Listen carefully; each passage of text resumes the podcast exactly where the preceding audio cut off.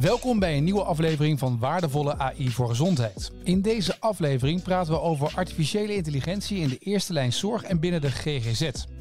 Uit de nulmeting van KPMG uit 2020 bleek dat de meeste oplossingen worden ingezet in de medisch-specialistische zorg. Op ruime afstand gevolgd door preventie en huisartsenzorg. Terwijl er juist voor meerdere medische sectoren kansen liggen voor AI. En de vraag is dus, waar liggen die kansen? Wat houdt mensen tegen? Of wat stimuleert mensen juist om meer te doen met AI?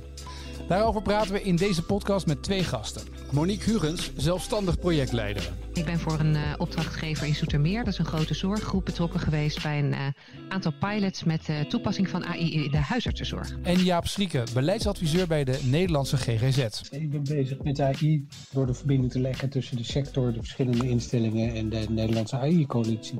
Wil je nu meer weten over deze podcastserie? Kijk dan ook eens op datavoorgezondheid.nl. Je kunt je ook via jouw favoriete podcastplatform abonneren op deze serie Waardevolle AI voor Gezondheid.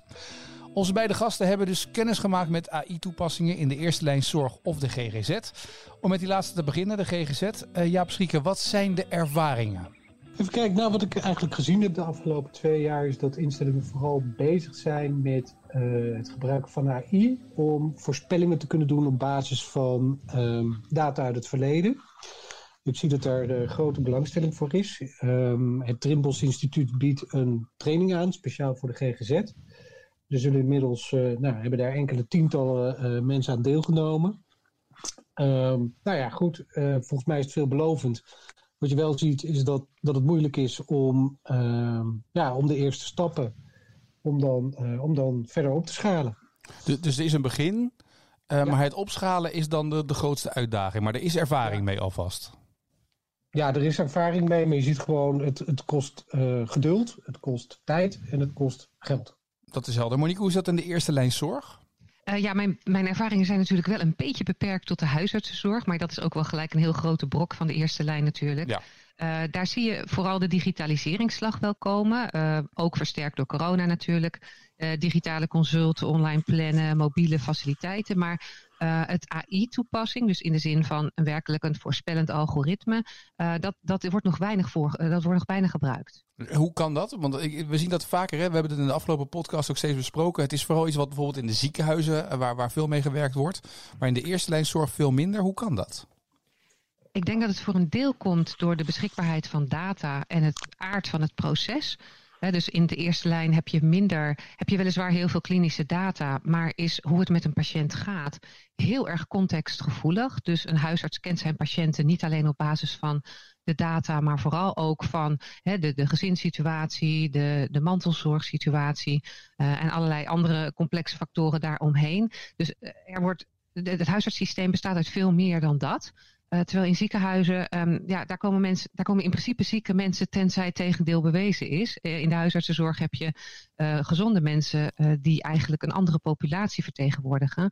Um, dus de data in het huisartsensysteem is anders dan de data in de ziekenhuissystemen. En ook in de ziekenhuissystemen is het al heel moeilijk om AI van de grond te krijgen. Um, we hebben gezien in die projecten die wij gedaan hebben, waarin we geprobeerd hebben met voorspellende algoritmes te werken. Uh, dat de voorspellingen eigenlijk niet klopten met de ervaringen van de huisarts. En um, goed, dat kom je proefondervindelijk, kom je daar pas achter. Ja. Um, maar dat zal een van de redenen zijn waarom het um, minder snel van de grond komt. Maar er zijn er uh, twee jaar geleden ook rond de tafelgesprekken geweest hè, in de diverse uh, sectoren binnen de zorg. Uh, en dan blijkt bijvoorbeeld bij de GGZ dat er inderdaad, wat, wat, wat net al gezegd wordt door Jaap, dat er enige ervaring is. Maar dat mensen wel heel positief erover instaan. En dat, dat blijkt dan wel bij de GGZ en bij de huisartsen, bij de eerste lijnzorg. Zie je veel meer terug dat, dat er een soort van sceptisch is. Ik hoorde je net zeggen dat, dat de voorspellingen niet, niet, niet kloppen of zo, of niet anders zijn. Uh, ik denk dat dat juist ook um, een kwaliteit van AI kan zijn. Dat je juist de dingen die je normaal niet zo ziet, dat die ineens boven tafel komen. Ik weet niet of dat echt aan de, aan de orde was, maar um, ja, het, ik vind het wel interessant. Um, Jij vroeg uh, hoe, het bij, hoe kwam dat het bij ons wel zo was. Nou ja, ik denk die, die data bij de GGZ-instellingen, dat, dat wordt al enige jaren verzameld. Um, dus misschien is die, is die, uh, zit hem daarin, in, in de kwaliteit en de omvang van de dataverzameling. Nou, ik denk dat dataverzameling al hè, de, de, kwaliteit van de registratie bepaalt, natuurlijk altijd wat je daaruit kunt halen. En uh, huisartsen registreren natuurlijk ook allemaal net eventjes anders. Dus de manier waarop je die data kunt gebruiken is heel erg wisselend. Maar ik denk dat het nog wat verder gaat. En we hadden het over die uh, risico-inschatting um, voor bijvoorbeeld het risico op ziekenhuisopname. Wat je ziet is dat het algoritme met voorstellen komt. Van wij denken dat deze mensen een hoog risico lopen. En dat de huisarts, als je daar dan naast zet van, uh, had jij deze mensen er ook uitgehaald? Hè? Is dit een verrassing? Uh, een positieve verrassing waar je dus wat mee kunt? Want dat is uiteindelijk wat je wil. Dan zeggen ze ja, deze, dat ken ik al, dit wist ik al. Um, of soms wist ik het niet. Maar weet ik een aantal contextomstandigheden waardoor het niet, niet uh, veel meerwaarde oplevert. Een voorbeeld bijvoorbeeld, iemand kan klinisch gezien een heel ingewikkeld beeld hebben met veel comorbiditeit en veel toestanden. En dan komt het systeem wel op grond van de harde data die in het HIS zitten, met een inschatting van die loopt een hoog risico op ziekenhuisopname. Maar dan weet die huisarts dat er in de context van die patiënt bijvoorbeeld een stabiele thuissituatie, een goede mantelzorger, um, meerdere interventies die al geprobeerd zijn, weet hij dat hij daar niet zo heel veel meer kan doen. Dus het is niet zo van, um, uh, ik wil me niet laten verrassen door AI, want dat was eigenlijk het uitgangspunt huisarts waren sceptisch, maar zeiden ja, nou ja, ik ben wel benieuwd eigenlijk, laat maar zien waar die mee komt. Uh, en die twee vergelijkingen hebben gemaakt. En toen moesten we eigenlijk constateren dat er de verrassingen die erin zaten, mm-hmm. eigenlijk meer verrassingen waren waar je niet zoveel mee kon in de interventies. Dus het is niet zo dat er niks uitkomt. Alleen de vraag is, wat kun je ermee? En ik ja. denk dat dat wel een beetje een rode draad is. En zie je wel hier het verschil tussen de menselijke kant, dus de menselijke inschatting van de huisarts of de ervaringen ten opzichte van wat de computer eigenlijk berekent in AI? Ja, um, en dat is nog niet zo erg, hè, want een AI is altijd ondersteunend. Hè. Dus je, je, het is ook een beslissingsondersteuning. Het moet je op ideeën brengen, het moet je juist tot verrassingen brengen. Maar wat je er vervolgens dan mee doet, daar zit nog wel een stukje klinische beoordeling en klinische blik achter. En daarbij de beschikbaarheid van interventies. Want als je weet bijvoorbeeld dat iemand gewoon heel instabiel is en je wil die ziekenhuisopname voorkomen, maar eigenlijk heb je alles al geprobeerd en er is geen plek in een faciliteit waar je iemand zou willen hebben. Of het is een zorgmeider, iemand die eigenlijk wel weet waardoor, dat het helemaal niet goed gaat, maar die wil helemaal niks. Wat heb je alles al geprobeerd? Dan heb je wel de goede data boven tafel. Dan heeft de AI je wel op het goede spoor gezet. Maar dat wil nog niet zeggen dat je er ook wat mee kunt. En dus beschikbaarheid van data en beschikbaarheid van informatie maakt nog niet dat je interventiemogelijkheden groter worden. Hoe zit het bij de GGZ? Ja, ik denk dat dat een, eh, een algemeen beeld zal zijn. Um, kijk, het punt is, uh, uh, ik, ik, probeer het even te mappen op, op de situatie bij ons. Um, kijk, wat ik, wat ik begrepen heb van de instellingen die hier actief mee bezig zijn, is dat je toch ook bezig bent om een flinke tijd, en dan moet je denken aan, aan een jaar, om uh, de dialoog tussen de zorgverleners en de data-experts, om die dialoog goed op gang te brengen. Dus het is eigenlijk het ontdekken van wat je eraan kunt hebben. Volgens mij is dat precies wat jij nou beschrijft. Ja. Um, kijk, uh, er zit ook een aspect in van, van verkennen. Uh, en dat verkennen, dat heeft ook een beetje het karakter van of je er wat aan hebt natuurlijk. Uh, kijk, je, je, begint eraan omdat je denkt dat dat, uh, dat, dat inderdaad het geval is. Uh, maar het moet zich wel bewijzen. En volgens mij is dat precies wat, wat het, het, het stadium is wat, ja, wat, wat mijn collega nu eigenlijk beschrijft. we zitten op een bepaald beginpunt en het moet zichzelf bewijzen in de komende jaren hoe dat kan ja. worden ingezet. Ja, en er kunnen natuurlijk allerlei factoren een rol spelen. de kwaliteit van de data, nou ja, ook andere dingen. dat kan gewoon verschillen per sector. Dus ja, ja ik, ben benieuwd hoe het uitpakt. Ja. En, en, ik denk zeker dat er mogelijkheden zijn hoor. En dat er, als je kijkt nu naar de eerste lijn, waar, ligt, uh, waar liggen de kansen toch vooral om uh, de administratieve processen sneller te laten verlopen. Hè, of behulpzaam te zijn bij de intake. Als je ziet de AI-modellen die nu gebruikt worden bij de huisartsenpost uh, in Rijnmond bijvoorbeeld, hè, om, te, om een soortje voorportaal te hebben voordat iemand bij een triagist uh, terechtkomt, of dat hij zelf zorg kan hebben. Uh, dat zijn allemaal vormen van AI uh, of, of, voor diagnostiek, voor diagnostiek beoordelingen. Daar, zit, daar zitten mogelijkheden in die zorgen dat het proces sneller gaat, dat huisartsen daar minder tijd aan kwijt zijn. Um, en je kunt ook trendanalyses doen om wat risicostratificatie te doen, om te kijken van welke groepen in deze regio of in mijn praktijk hebben meer aandacht nodig. maar wat ik zie bij huisartsen op dit moment is meer van: ik heb niks aan een, aan een bak data waar ik zelf in moet gaan snuffelen om te kijken of daar misschien preventieve acties op te ondernemen zijn. ik heb wel iets aan een AI-model wat mij een voorstel geeft en waar ik dan iets mee kan. Maar het probleem is dat we nu zien dat er veel modellen worden aangeboden. Er zijn veel leveranciers op de markt die zeggen: Goh, jullie hebben mooie set data en daar kunnen wij van alles mee. En als je niet oppast, wordt er vanuit de data geredeneerd in plaats van waaruit, wat kan je nou uiteindelijk met wat het AI-model oplevert. Ik hoor Jaap Schrieken hier heel positief op reageren. Ja, wat, wat ik.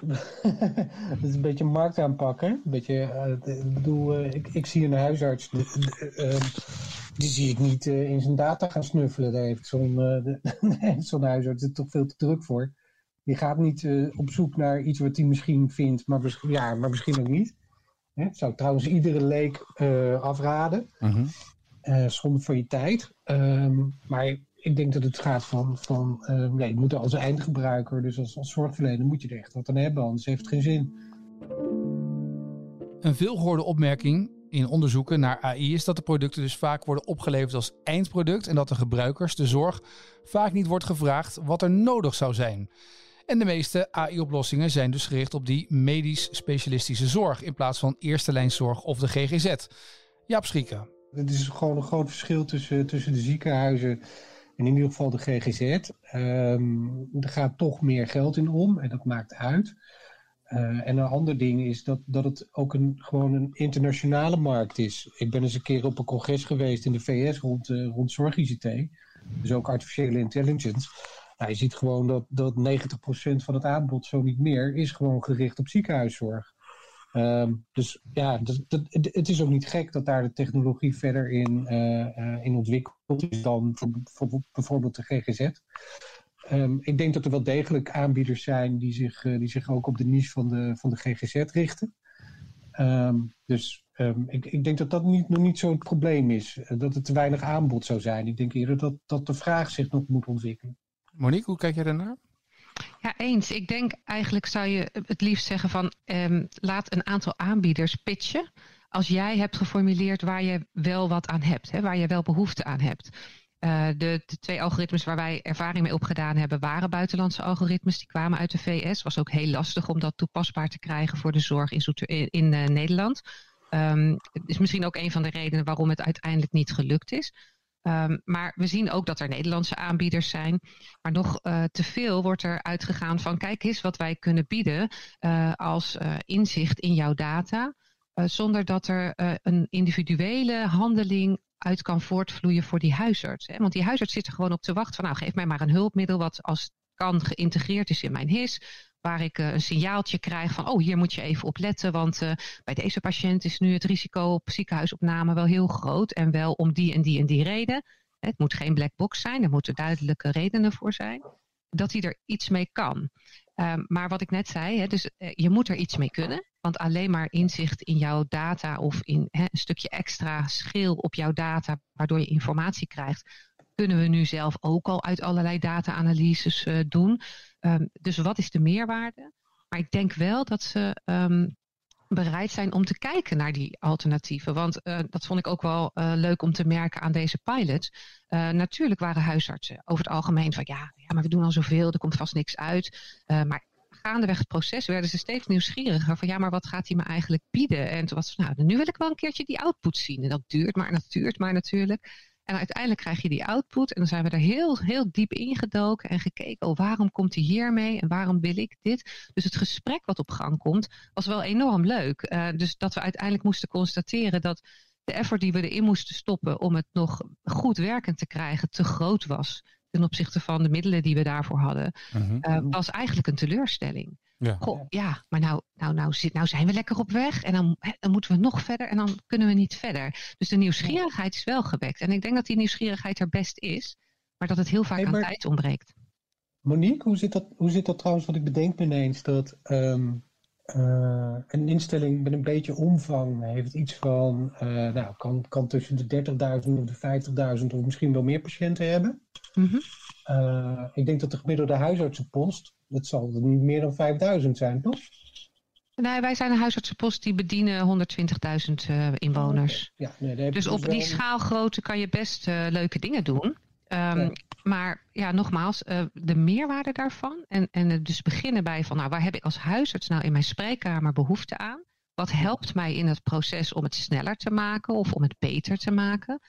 Uh, die vraag die wordt nog een beetje snel, heb ik de indruk, overrold door aanbieders die zeggen, ja, maar kijk eens wat we allemaal kunnen. Uh, en dan is het van, oké, okay, mooi, het ziet er, die dashboards zien er altijd fantastisch uit. Ja. en dan zeggen die huisartsen, ja, het ziet er mooi uit. En dan ja, maar gaan ze doorklikken en doorklikken en denken ze, ja, ja, oké, maar dit wist ik al. Uh, ja, ik, ik weet al dat ik veel diabetes heb, of ik weet al dat ik veel mensen heb uh, uh, in, in de lagere inkomensgroepen die heel veel zorg gebruiken. Maar wat kan ik er nu mee? En dan mis je ook een beetje de koppeling met data uit het, uit het welzijnsgebeuren. Hè? Dus in de huisartsenpraktijk gaat het natuurlijk veel verder dan alleen maar je klinische data. Maar dit is eigenlijk de vraag omdraaien. Dus het is niet productgericht werken, maar vraaggestuurd werken. En dan is vraag je eigenlijk van de aanbieders om gewoon eens de vraag op te halen bij de huisarts, bijvoorbeeld of de GGZ-instelling. Ja, ik denk dat het een, een, een tweerichting verkeer zou moeten zijn. Um, ik denk dat er wel degelijk een, een, een, vraag is in de, in de sector. Maar het is, het is ook een beetje onbekendheid met het domein. Dus je moet wel geïnspireerd worden door het aanbod van wat is er eigenlijk mogelijk. Ja. Tuurlijk, het is een wisselwerking, absoluut. Ja. Maar zit er dan hier ook een klein beetje op het uh, dat, dat een huisarts of een GGZ-instelling weet heel goed uh, met patiënten om te gaan en wat, wat, wat patiënten, wat, wat ze daarvoor zouden moeten doen of hoe ze die kunnen ja. helpen. Maar je bent natuurlijk geen ICT'er. En als jij niet weet wat er in AI allemaal mogelijk is, kan je ook niet aangeven wat je nodig hebt eigenlijk. Nou, dat is, dat is eigenlijk wat ik, uh, wat ik zeg inderdaad. Ja. ja. Nee, dat klopt. Ja, een ander voorbeeld is de toepassing van, van chatbots. Dus eigenlijk een computer die neemt het gesprek over. Ja. Uh, ja, daar, daar, zou je bijvoorbeeld voor de, voor de helemaal aan de voorkant, uh, hè, uh, kun je daar vast wat mee met, met lichte klachten. Je moet het wel weten, je moet er ook in geloven. Je moet ook, uh, je moet ook um, ja, hoe moet je dat zeggen? Je moet het ook echt werkend kunnen krijgen natuurlijk.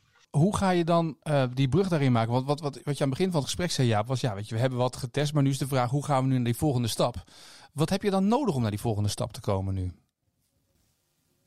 Nou, ik, ik denk nu dat het gaat om verschillende dingen. Um, het eerste is dat, dat de, de, de, mensen die hiermee bezig zijn uit verschillende instellingen, um, die willen het graag ook van elkaar leren. Die willen het graag met elkaar doen, omdat het toch wel een aparte, aparte tak van sport is.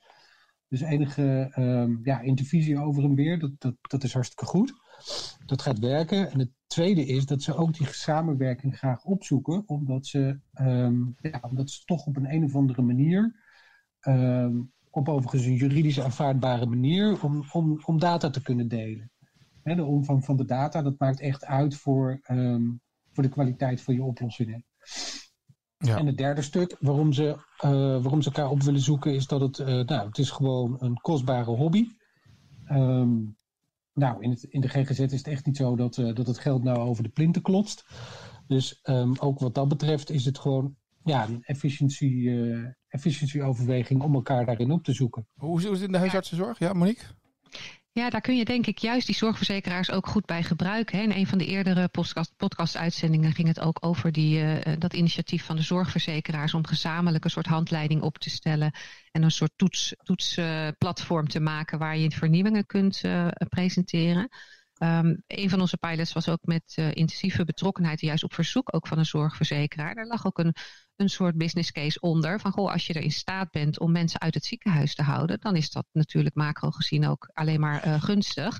Um, en de idee is dan natuurlijk dat als je zo'n model ontwikkelt, dat je dat dus ook kunt opschalen naar andere zorgregio's dat was juist een van de problemen. Uh, uh, dat je de data-analyse um, en de toepassing van het AI-model op de data in één regio niet zonder meer kunt transporteren naar een andere regio, maar dat je daardoor weer op die plek ook weer vrij veel data-analyses moet doen om te zorgen dat dat model de goede dingen oplevert.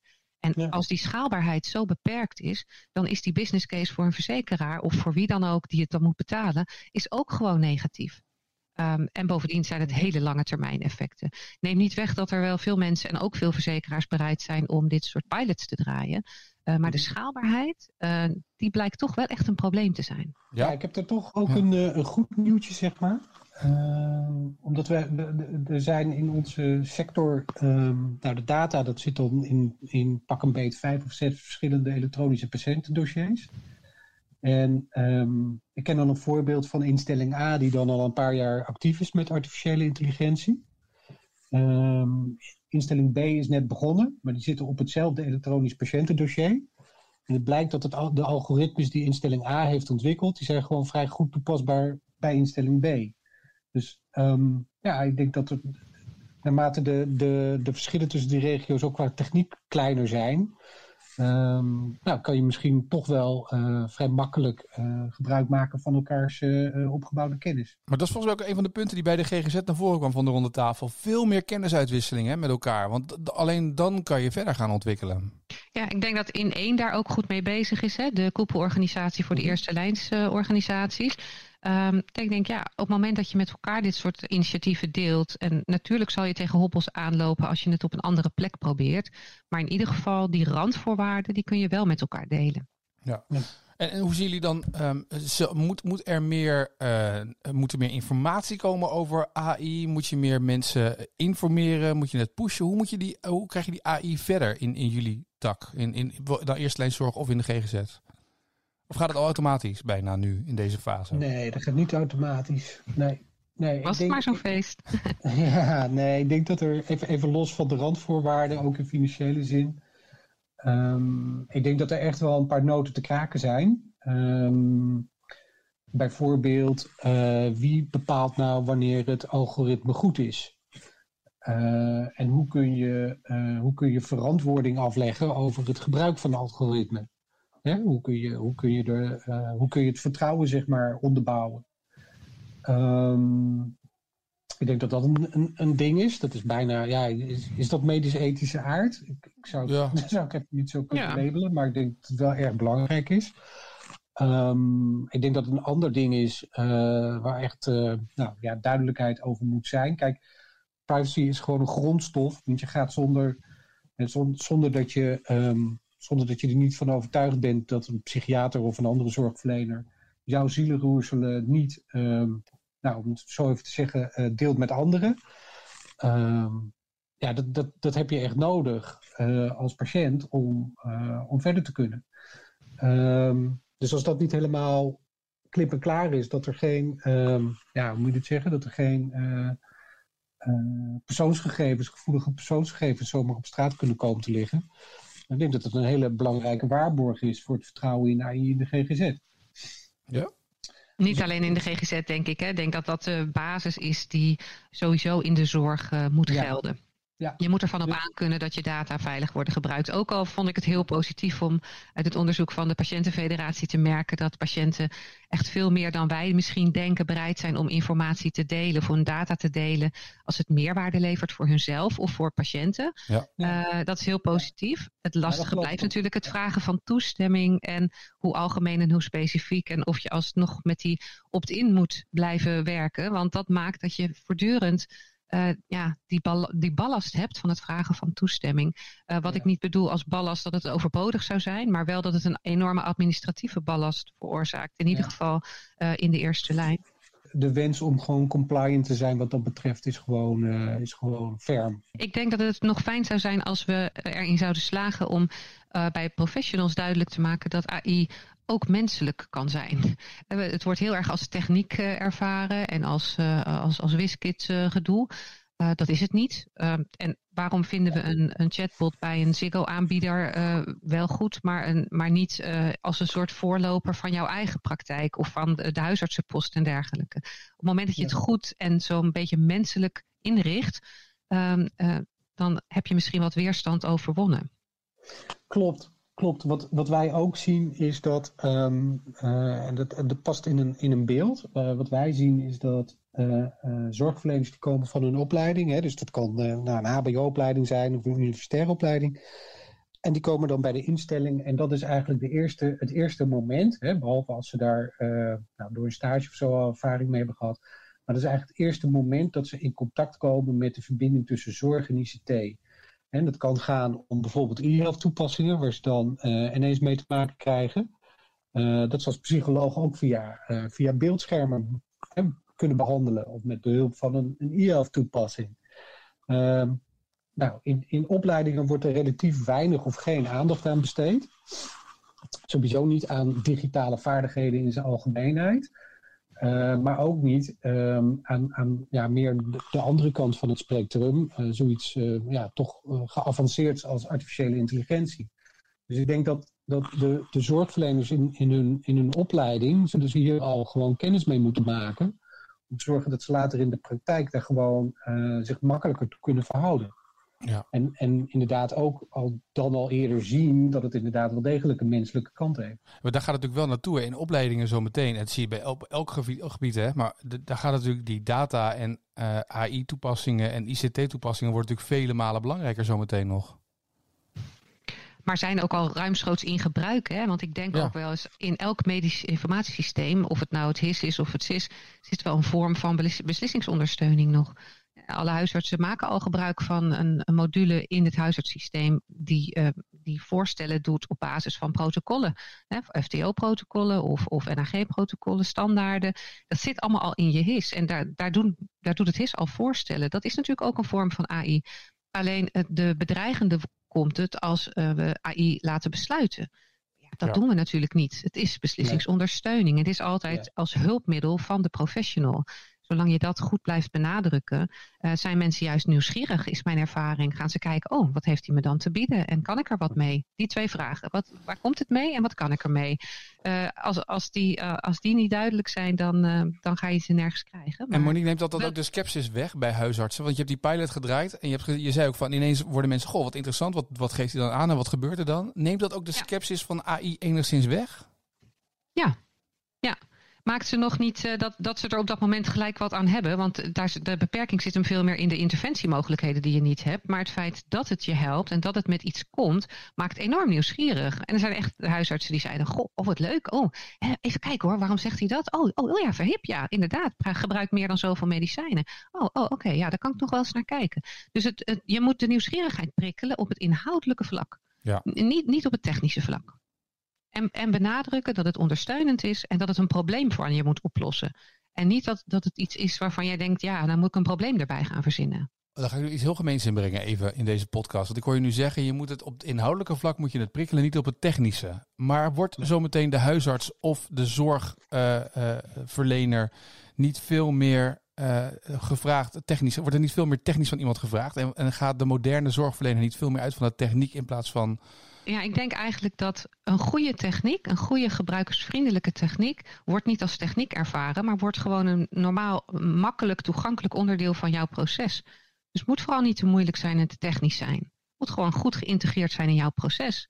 En goede techniek, die doet dat. Dan heb je helemaal niet door. Als jij in je auto stapt en je auto doet van alles voor je, ga je toch ook niet nadenken over, goh, hoe komt hij er nou toe dat hij me zegt dat ik hier op me, van, me, van mijn rijbaantje af uh, ga?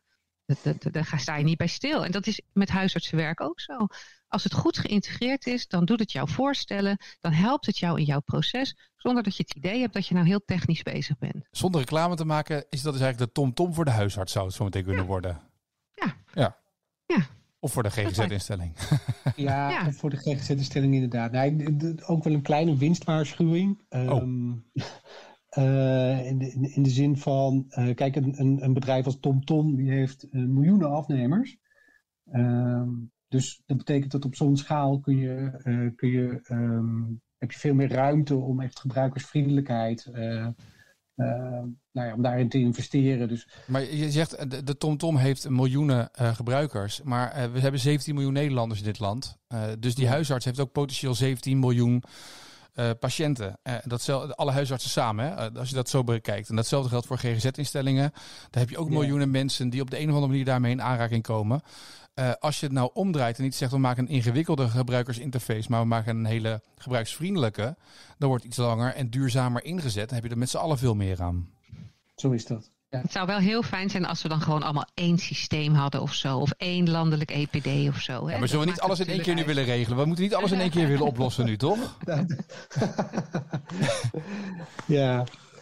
Nou, daar, daar, daar, geloof ik, daar geloof ik zelf dan weer niet zo in. Wat ik wel, waar ik wel in geloof is dat we, uh, als we nou landelijk uh, gegevens op dezelfde manier gaan vastleggen, hè, of, of misschien zelfs groot, op grotere schaal dan landelijk, zodat op dezelfde manier doen, zodat het makkelijker uitwisselbaar is, daar geloof ik wel degelijk in. Uh, en dan kunnen er allemaal verschillende aanbieders, um, die kunnen dan met elkaar wedijveren wie dat op de beste manier kan. Hè? Ja. Die, die het beste gebruikersvriendelijke huisartsensysteem kan bouwen. Ik denk dat dat wel, um, nou ja, ik denk dat dat een beter resultaat lijkt dan, dan met z'n allen op hetzelfde systeem te gaan zitten. Goed, laten we in ieder geval zorgen dat, we, dat er met elkaar overlegd wordt en dat er met elkaar gesproken wordt en, en dat het niet allemaal los van elkaar ontdekt wordt, toch? Want dat is volgens mij ook een beetje de boodschap op het einde van deze podcast dat is ook een beetje de kerstwens van Hens, Henk Hutink, was het uh, in een van de vorige uitzendingen. Dat klopt, ja. Ik, ik, deel, ik deel die kerstwens. Dus een standaard toestemmingsproces, een standaard proces voor anonimiseren en pseudonymiseren en overeenkomsten. Dus dat je de randvoorwaarden en de, en de uitwisselbaarheid makkelijker maakt. Dan heb je al een heel stuk gewonnen. En dan krijg je die huisartsen en, die, GGZ-medewerkers en alle andere eerste lijns hulpverleners uh, echt wel mee in een, in een proces waarin ze onvermijdelijk terechtkomen. Want zo gaat de wereld nou eenmaal vooruit. Monique Hugens, Jaap dank voor jullie bijdrage in deze podcast Waardevolle AI voor Gezondheid. Het was alweer de zevende aflevering. De vorige zes zijn allemaal terug te luisteren via bijvoorbeeld Apple Podcast, Spotify of Google Podcast. En natuurlijk ook via de website datavoorgezondheid.nl. Wat ons betreft graag tot de volgende.